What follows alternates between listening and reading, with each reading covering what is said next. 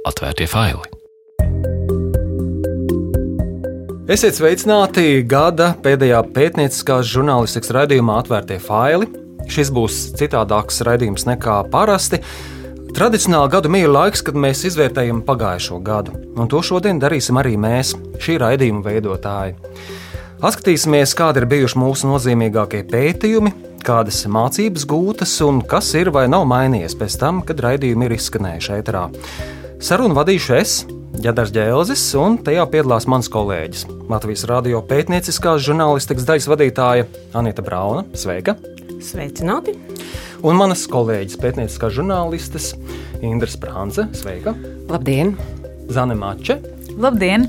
un Baiba Runze. Sveicināti! Pirmo jautājumu uzdošu tev, Anita. Kas tavuprāt ir pats vērtīgākais atklājums, kas šogad ir izskanējis atvērto failu raidījumu laikā? Es pieminēju šo apjomīgāko pētījumu, kas mums bijis un par ko saņēmām arī Latvijas žurnālistu asociācijas izcilības balvu. Un tā ir Vēncpils sāga, vairāku raidījumu sērija, kas parādīja, kā ietekmīgs tranzīta grupējums, kas sēdēja uz eh, naftas trubes un pelnīja miljonus, savā labā pirka politiķus. Mēs parādījām kaunpilnu Latvijas vēstures daļu un atklājām jaunus faktus. Agrāk tās bija tikai pilsētas leģendas, ka 90. gados lielajām politiskajām partijām Vēncpils naftā bija katrai savs offshore, no kura bija miljoni. Nu, mēs ar faktiem parādījām, ka tas tā arī bija. Likumsargiem, diemžēl, pietrūka juridisku pierādījumu, lai šajā lietā celtu apsūdzības. Nu, tomēr viens milzīgs tiesību sargu panākums šogad ir, tas ir, ka Aivars Lembergs, kas ir visa šī stāsta centrā, nonāca cietumā. Lai arī pagaidām par vainīgu viņš ir atzīts tikai pirmajā instancē, un apcietinājums ir drošības līdzeklis. Lai raksturotu, ka tas patiešām ir sasniegums, lūkšu atskaņot fragment no raidījuma, kas parādīja, ar kādu nenormālu spiedienu nācās saskarties izmeklētājiem. Vīrs, kurš tur runās, ir Lemberga lietas izmeklēšanas vadītājs, bijušais prokurors Andris Mešsargs. Daži liecinieki apmaiņā pret informācijas sniegšanu lūguši sev procesuālo aizsardzību un identitātes maiņu, tik ļoti baidījušies par sakām. Arī pats mežsargs regulāri saskārās ar mēģinājumiem viņu dabūt nos no lietas. Vispirms nāca piedāvājums kāpt pa karjeras kāpnēm. Viens no virsprokuroriem, kas šobrīd ir nelaiķis, strādāja ģenerālprokuratūrā ļoti atbildīgā amatā.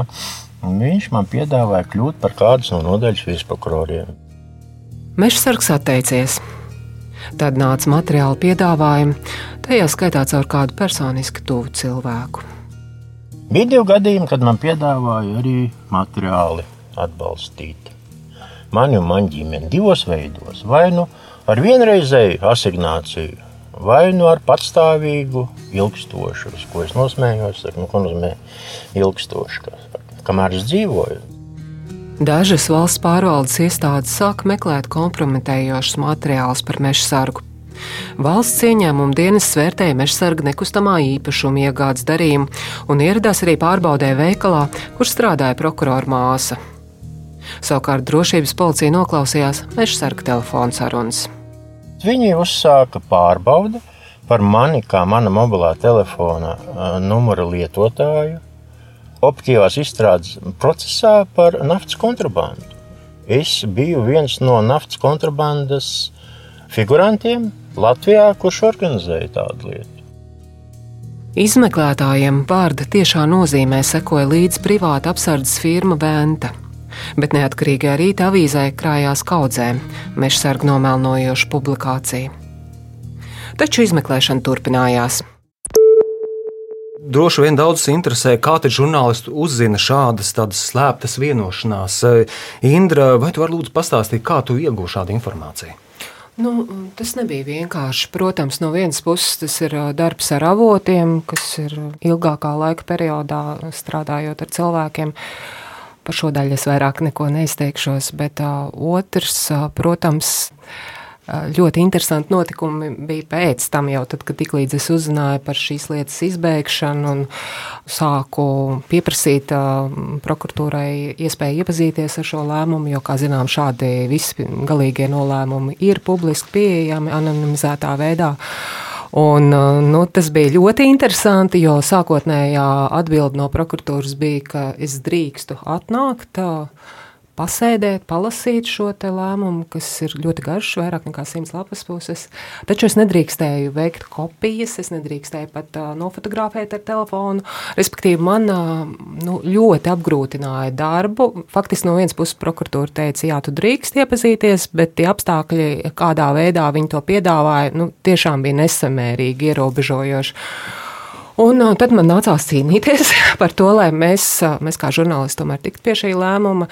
Nu, lūk, es apstrīdēju šo te prokuroru lēmumu, un jā, man izdevās panākt to, ka prokuratūra izsniedz man pilnā apmērā šo dokumentu. Viņi atsūtīja zēpas, kā es to lūdzu, un tā bija viena brīnišķīga diena, jo sakrīt tā, ka tajā dienā es um, arī dabūju pirmo covid poti un, un dabūju šo lēmumu, tā ka man, jā, viņa šogad tiešām ir palikusi atmiņā tā diena. Un tad sākās darbs ar uh, šo te pašu dokumentu, kas arī, protams, nav vienkārši, jo uh, tie vārdi un uzvārdi ir aizklāti, bet nu, daudzās vietās jau mēs varam atrast. Mēs varam atrast kapitāla sabiedrības, mēs varam atrast amatpersonas. Diezgan daļā bija diezgan vienkārši. Tiesa viena daļa tā arī palika neatklāta.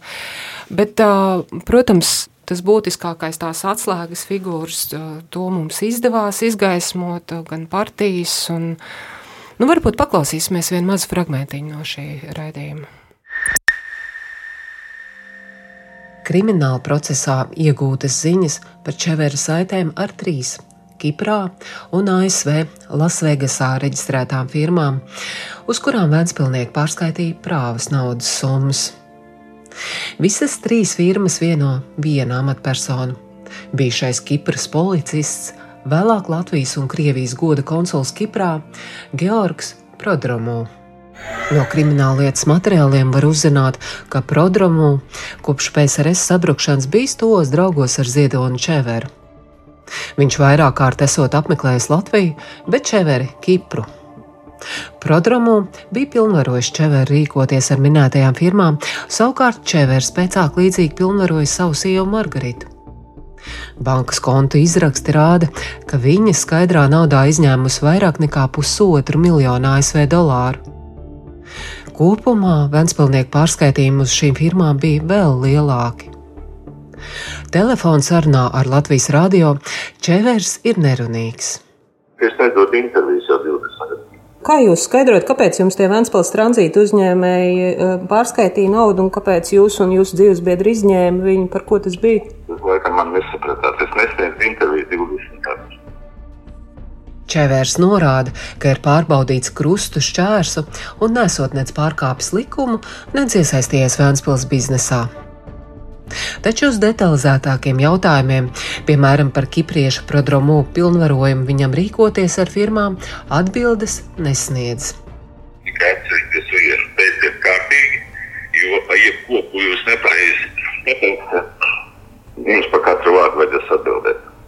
Es atbildu tāpat par katru vārdu. Nē, nē, jūs nesapratāt. Pētiet, es jums novēlu, pētiet, rakstiet, publicējiet.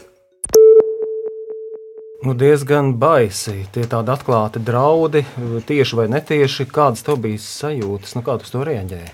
Nu, tas, protams, nav patīkami, bet uh, no vienas puses um, nu, ir tāds teiciens, kas reitas nekož, un pārsvarā man novērojumi ir tādi, ka tā arī ir. Taču vienlaiks, protams, tas ir absolūti nepieņemami, kā pat bijusī amatpersona, augsta līmeņa amatpersona šādi uzvedās.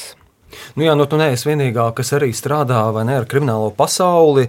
Uzmanības lokā tā ir arī Zane. Tev. Vai tu vari pastāstīt par tiem noziegumiem, kurus tu šā gada laikā šķetināji, un varbūt kuri tevi pašu satriec visvairāk? Man liekas, šobrīd viens no tādiem svarīgākajiem varbūt, nozieguma veidiem, kas ir naida noziegumi. Mēs arī veidojām raidījumu par šo tēmu. Es atgādināšu profesoram Hanovam ar dzīvesbiedru uz ielas uzbruka divi vīrieši, kuriem nepatika cilvēku seksuāla orientācija, taču nec policija, nec vēlāk arī prokuratūra nu, nesaskatīja tur noziegumu. Un jau taisot šo redzējumu, bija skaidrs, un arī šobrīd, ņemot vērā dažādus šos Covid apstākļus, kad šī naida runa un naida dažādas izpausmes ir ļoti aktivizējušās, tas rāda, ka tā policija, kas primāri sāk izmeklēt šīs lietas īsti, nu, nespēja saskatīt noziegumu. Vai negrib saskatīt noziegumu, kā nu varbūt katrā situācijā atšķiras varbūt šīs šī gadījumi, bet nu, mēs varam paklausīties vienu fragment no tā raidījuma. Kristīna domā līdzīgi kā Denis, ka policijai trūkst izpratnes un zināšanu šādu lietu šķetināšanā.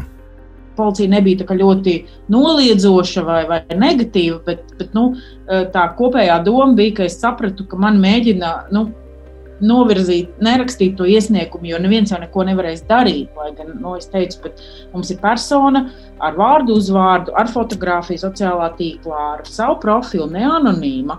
Ar profilu, atverot šo profilu, tu redzi uh, fotografijas ar ģimeni, ar draugiem. Tas, tas, tas nav kaut kāds uh, anonīms konts, kas mēģina slēpties. Nu, tā situācija, manuprāt, bija diezgan smieklīga, jo tajā brīdī policijas iecirknī man teica, nu, mēs vispār nevaram šim piekļūt, jo mums sociālajie tīkli mūsu datoros ir nobloķēti, mm -hmm. lai mēs nesēžam sociālos tīklos visu dienu. Mēs vispār neredzam šo ziņu. Un otrs, nu, ka pat ja mēs piekļūsim šai ziņai, nu, nav garantēts, ka mēs varēsim atrast, kas tā ir pa personu. Uh, nu, lai gan fotografija vārds uzvārds, bet uh, nu, informācijai mēs piekļūt nevaram jebkurā gadījumā. Kā, nu, nu, tas ir diezgan bezcerīgi. Lai gan es jūtu tādu varbūt uh, nu, sapratni no policijas puses, jā, es saprotu, ka tā ir problēma, bet, bet nu, palīdzēt mēs droši vien nevarēsim. Šī atbilde ir līdzīga tām, kuras var lasīt mozaīkas apkopojumā par visām pēdējo gadu sūdzībām policijai. Piemēram, par interneta komentāru, kurā kāds homoseksuāliem cilvēkiem novēl saņemt lodi galvā, lieta atteikta, jo rakstītājs nedzīvo Latvijā un tāpēc viņa viedokli noskaidrot nav iespējams. Savukārt par komentāru pidari visus viņus nošaut, krimināla process nav sākts, jo secināts, ka noziegums nav noticis Latvijā. Tā autors dzīvo īrijā un komentāru rakstījis no turienes. Citā gadījumā policisti kā iemeslu minējuši naida kurinātāja reliģisko pārliecību. Cilvēks, kurš interneta komentārā aicināja gejus nošaut, sacīs, ka saskaņā ar viņa bībeliskajiem uzskatiem par gejiem publiski nav jārunā. Šādu argumentu nesāktām lietām ir daudz.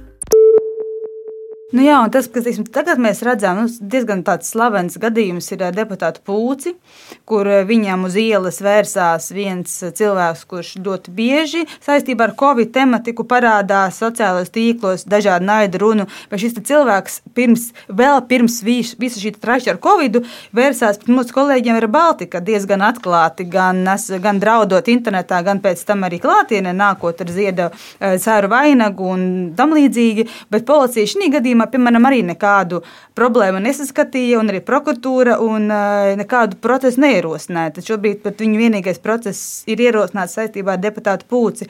Un tas, kas ir skaidrs, ka mēs arī, piemēram, žurnālistu organizācijā esam runājuši un tikušies ar policiju un runājuši par šiem gadījumiem, kad, teiksim, arī žurnālisti saskaras ar naidu runu un, un naidu uzbrukumiem un policijā. Nu, viņi saka, nu jā, nu, bet jums varbūt tur jādomā pašiem, kur jūs ejat, kādus pasākumus jūs atspoguļojat.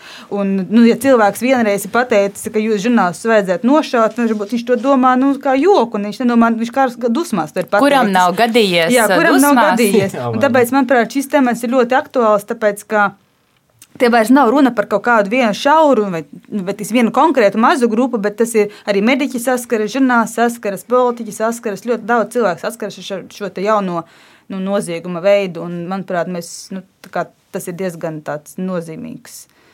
Bet nu, no likuma pārkāpumiem pievēršamies tagad sociālām lietām, Baiba, un tas ir tavs uh, lauciņš, un tu esi pētījis daudzus sociālus tematus. Uh, Vai tu vari pastāstīt, kas tev ir tāds svarīgākais un pie kā tu esi strādājis un, un ko tu esi izpētījusi jā, šā gada laikā? Nu, es domāju, ka šie sociālai temati arī ir noteikti no tiem, par kuriem ir visu laiku jāturpina runāt atkal un atkal, un vēl un vēl līdz pamazām un lēnām tās pārmaiņas tomēr notiek. Un šajā redzījumā es gribēju pieminēt onkoloģijas jomu, jo, manuprāt, tā ir tāda ļoti svarīga joma, kuru ne uz mirkli nedrīkst atstāt novārtā. Un ne tikai nedrīkst atstāt novārtā, bet uh, ir visu laiku jāmeklē un jāturpina domāt, kā šo jomu uzlabot, jo Latvijā mums šajā jomā neklājas labi. Un uh, raidījumā par onkoloģijas pacientiem Es runāju ar kādu sievieti, onkoloģijas pacienti, kura stāstīja par savu pieredzi, ejot tā saucamo zaļo koridoru, kas ir būtībā izdomāts, lai maksimāli pātrinātu to ceļu cilvēkam no aizdomām par to, ka viņam varētu būt onkoloģiska saslimšana līdz jau ārstēšanas uzsākšanai. Un likumā tās bija 30 dienas, man šķiet, noteikts. Bet šajā gadījumā tie bija četri gari mēneši. Šī sieviete tika sūtīta uz maksas izmeklējumiem, kam arī tā nevajadzētu būt. Un es atceros, ka toreiz speciālisti uzskatīja, ka viņu prāt īsti nav tomēr problēmas tajā zaļā koridorā un ka tas ir tāds neveiksmīgs izņēmums. Bet uh, tieši pēc raidījuma ar mani sazinājās vairāki onkoloģijas pacienti. Viņi man rakstīja Facebook, ka arī mēs vēlamies pastāstīt par mūsu pieredzi. Mums ir ļoti līdzīgi, kā bija šai sievietei. Un te man ir diemžēl arī jāpasaka, ka es nesen uh, uzzināju, ka šī sieviete Gundaga zaudēja cīņu ar vēzi. Un uh, Latvijā mēs katru gadu šādi zaudējam uh, 6000 cilvēkus, un tas ir tiešām daudz. Un, uh, Tāpēc šim jautājumam ir jāpievērš uzmanība. Jaunā onkoloģijas plāna ietveros šis zaļā koridora pakalpojums tiks pārskatīts. Tā ir labā lieta. Vēl labā lieta ir tāda, ka tiks veidots arī tā saucamais dzeltenais koridors, kas ir paredzēts jau esošiem onkoloģijas pacientiem, jo arī viņiem ir nepieciešams regulāri turēt rokas pulsu un uzmanīt savu veselību. Un par to, kā tas šobrīd notiek, to pastāstīs Helga Beks, onkoloģijas pacienta fragmentā.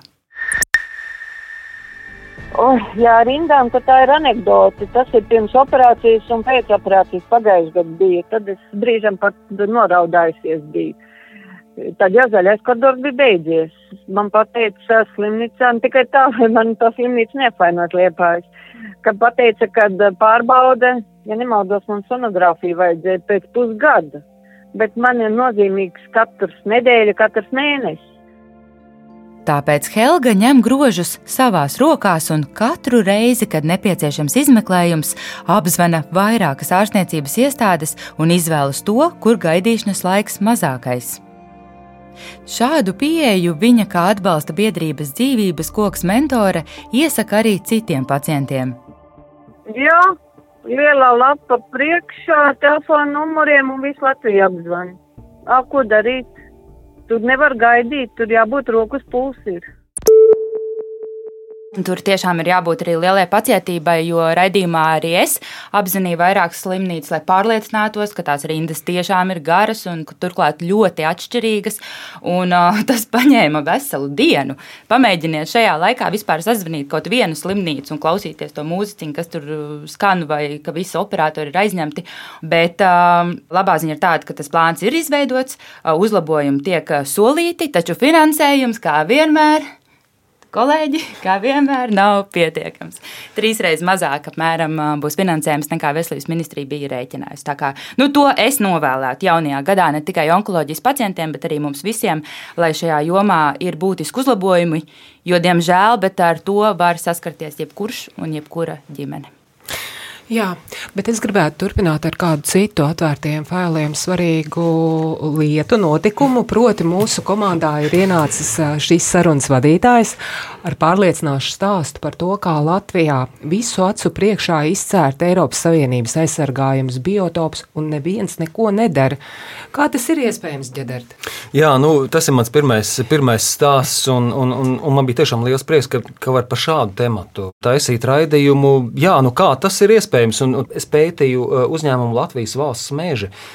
Un tas ir uzņēmums, kas, uh, kas apsaimnieko Latvijas valstī piedrošos mežus, kas ir apmēram puse no visiem mežiem, kas ir Latvijā. Ja? Nu, tas ir ļoti liels resurss un, un, un tas ir uzņēmuma atbildībā. Ja? Nu, kas tad atklājās? Atklājās tas, ka, ka Latvijā, protams, ir šie vecie meži, kuri ir šie Eiropas Savienības nozīmes aizsargājumie meža biotopi. Ja? Un tā situācija ir tāda, ka tikai neliela daļa, apmēram piektā daļa no šiem meža biotopiem atrodas ar likuma aizsargātās zonās. Tas nozīmē, ka tikai neliela daļa atrodas teritorijās, kur šos mežus nevar izzāģēt, tos nevar izcirst, kur ir, kur ir īpaši noteikumi, un tā pārējā daļa. Uz tiem attiecas Latvijas valsts meži brīvā griba, kas nozīmē, ka uzņēmums pats var izlemt tos saglabāt vai nesaglabāt. Protams, tur ir, tur ir uh, sava struktūra, tur uzņēmuma vidas eksperti aiziet, viņi, viņi apseko to, to plānoto kailcirtu un pēc tam dod atzinumu.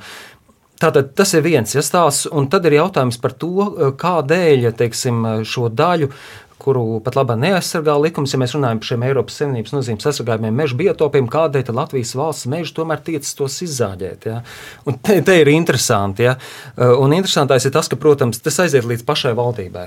Valdība tā, kas Latvijā nosaka maksimālos uh, koku ciršanas uh, apjomus, ko drīkst cirst, ja ik pēc pieciem gadiem Un, un tas, ko es redzēju pētot, ir, ka pēdējo 25 gadu laikā šis apjoms ir palielinājies. Tātad eh, arvien vairāk koksnes drīkst uh, cirst. Ja. Koksne ir Latvijas eksporta prece numur viens. Tātad tur ir liels spiediens. Ja? Un, tātad, un kas ir svarīgi? Valdība sagaida no šī uzņēmuma Latvijas valsts meža, kas ir valstī piedrošs uzņēmums, ka ka ik gadu tas desmitiem miljonu eiro iemaksās valsts budžetā, un teiksim, šogad Latvijas valsts meža ir iemaksājis jau 90 miljonus eiro. Nu, tad mēs runājam par tādām lielām, lielām summām. Ja? Un, un pirms mēs paklausīsimies vēl to audio fragment, kas ir interesanti, ir, ka pirms vairākiem gadiem notika Latvijā tā saucamā dabas skaitīšana, ka bija simtiem dabas pētnieku, viņi pārstāvēja visu Latviju un uzskaitīja, cik mums Latvijā ir meži, ezeri, pļāvas, zālāji, kas ir tie saucamie biotopi. Un tā tad vēl joprojām šie, šos rezultātus apkopo, un valdība izdeva speciālu rīkojumu. Proti, kas, kas aizliedz šajos meža biotopos, kas ir Eiropas Savienības nozīmes aizsargājumi meža biotopi, bet kurus neaizsargā likums, tos šobrīd, kamēr tie rezultāti nav saskaitīti, apzināti tur nedrīkst taisīt tās kailcirtas. Bet tas, ko mēs atklājām, ir ka zemkopības ministrs patiesībā pamācīja Latvijas valsts mežus un vēl vienu savā pāraudzībā esošu uh, dienestu, tātad valsts meža dienas, kas izsniedz ciršanas atļaujas, kā apiet šo rīkojumu. Tātad no vienas puses mums ir Tātad dabas aizstāvis saka, ka to nevajag izcirst, un tad mums ir valdības rīkojums, kas saka, ka tie jāpasargā, bet patiesībā ar ministrs vērtību to, to izzāģē. Tāda kārtīga dubulta morāla. Tā, tāda kārtīga dubulta morāla, un mēs, mēs devāmies, es kopā ar certificētu meža, meža eksperti, Ievu Mārdugu, mēs devāmies uz vienu no šādām kailcirtēm, kur bija mežs, kas bija Eiropas Savienības nozīmes aizsargājums meža biotops, un to apsaimniekoja Latvijas valsts meža. Paklausīsimies fragmentu jūs tās sajūtas, varbūt pārdomas, kad jūs redzat, šeit ir tā kailcirta, ir savagots, ka ir bijis aizsargājums mežs? Man ir ļoti, ļoti bēdīgi, jo tas, protams, nav vienīgais, ja mēs paskatāmies uh, Latvijas karti. Uh, ir ļoti labi redzams, ka tas, ko dabas skaitīšanas projektā pirms gadiem, trim, četriem, dabas eksperti ir uzkartējuši kā aizsargājums dabas vērtības, uh, tas viss jau ir aizbraucis uz ostu vai uz zāģētavām, un to vietā ir nu, plika vieta, tur nav vairs biotopu. Un, protams, ka tas ir bēdīgi. Un visbēdīgākais ir tas, ka tas mūsu valstī ir likumīgi. Jūs minējāt, ka šādu vietu ir daudz. Cik daudz tādu vietu ir Latvijā? Oi, kailciršu. Katrs var paskatīties ortofoto bildi Latvijas no augšas. Nu, kā šaha galdiņš šobrīd jau ir tās vietas, kur nav šaha galdiņš, tie ir dabas liegumi, dabas rezervāti, mikroliegumi. Visur citur ir eh, ļoti, ļoti fragmentēts viņš.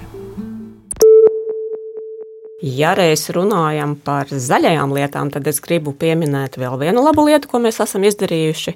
Mums bija raidījums, kas lika aizdomāties, kā kokskaidu granulas, ar kurām ļoti daudzi gan Latvijā, gan citur kurina savas mājas, īstenībā nav nemaz tik zaļš kurināmais. Un Latvija, starp citu, ir eh, kokskaidu granulu ražošanas lielvalsts. Mēs esam eh, viena no Eiropas tām valstīm, kur eh, vislielākos apjomus saražo. Bet um, problēma ir tā, ka vairāki fakti liek domāt, ka granulu ražošana veicina mežu izciršanu. Līdz ar to ir absurdi, ka Eiropas Savienībā šo kurināmo atbalsta, subsidē nu, veicina mežu izciršanu. Un te es gribu palepoties, ka šis mūsu raidījums tapa kopā ar vairāku citu Eiropas valstu žurnālistiem, un tas kopdarbs ieguva arī otro vietu Eiropas preses balvā. Nu, bravo! Tiešām mēs varam sev droši uzsist pa plecu un, un, un teikt, tā tik turēt būru, vai ne? Nu, patīkami apzināties to. Tieši tā. Klau, un beigās es vēlos pajautāt mums visiem vienu jautājumu, ko mēs bieži dzirdam tautā vaicājumu. Nu, un tad, ja žurnālists kaut ko atklāja, kas no tā mainās? Es varu atbildēt, tāpēc, ka es biju arī tā, kas teica, ka ir jāturpina runāt atkal un atkal, un tieši no tā tas mainās, ka tu runā par vienu tēmu atkal un atkal. Viens ir tas, ka tu informē sabiedrību, bet otrs ir tas, ka to sadzird arī valdība. Un šobrīd ir tā, ka es esmu priecīga pateikt, ka beidzot ir nolemts, ka skolās ir jābūt vienotām un saistošām vadlīnijām mobbinga prevencijā, un beidzot tas ir nolemts, ka tā būs, un tas būs visās skolās, arī pirmsskolās. Iespējams, mēs nākamajā, diemžēl, bet tomēr nākamajā mācību gadā varētu sagaidīt jau uzlabojums arī šajā mobbinga jomā, kas Latvijā ir, mums ir vissliktākais rādītājs Eiropas Savienībā. Un te jāpiebilst, man liekas, ka baigai ir bijuši vairāki ļoti spēcīgi raidījumi nu, tas, par mobbinga problēmu. Tas pirmais raidījums par mobbingu bija mans vispār pirmais raidījums, ko es sāku veidot atvērtajos failos, un toreiz tikai tikko tika sasaukta darba grupa vairākām ministrijām, kuras lems, ko darīt, vai ir nepieciešama programma, vai kā rīkoties. Tātad šobrīd jau ir beidzot mēs esam tikuši tik tālu, ka ir tomēr nolemts, ka tas būs skolās.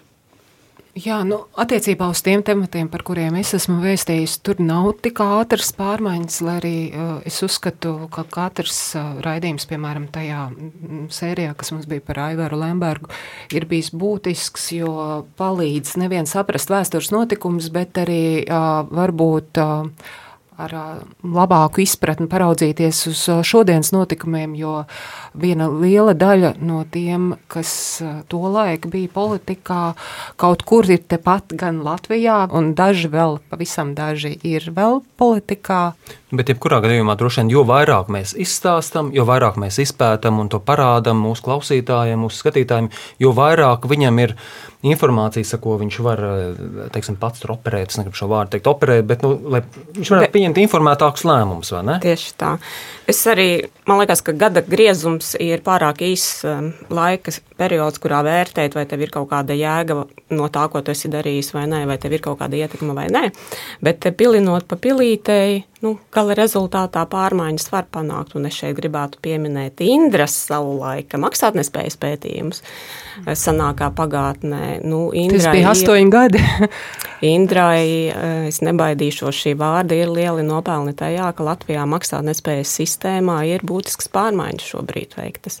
Nu, ko tas nozīmē mums pašiem? Tas nozīmē, ka mums ir tikai jāturpina strādāt, jābūt pacietīgiem, un tie rezultāti nāks ilgākā laikā, nevis ātrākā, vai ne? Agrāk vai vēlāk viņi būs. Nu jā, nu šeit eh, droši vien mēs varam likt tādu lielu treknu punktu, un, un mēs esam atskatījušies mūsu aizvadītā gada padarītiem darbiem, un mūsu klausītājiem mēs varam teikt paldies, ka klausījāties. Eh, es atgādināšu, ka mūsu sarunā piedalījās Latvijas radio pētnieciskā žurnālistikas daļas vadītāja Anita Brauna un pētnieciskā žurnāliste Sindra Sprānce. Sane Mače un Baiba Runce. Un es, Ģedārs Ģēlzis, es novēlu mierpilnus svētkus un laimīgu jauno gadu no savas puses. Un jūs, kolēģis? Mierpilnīgi, skan labi. Laimīgu, veselīgu un jēgpilnu nākamo gadu. Uz tikšanos! Atvērtie faili!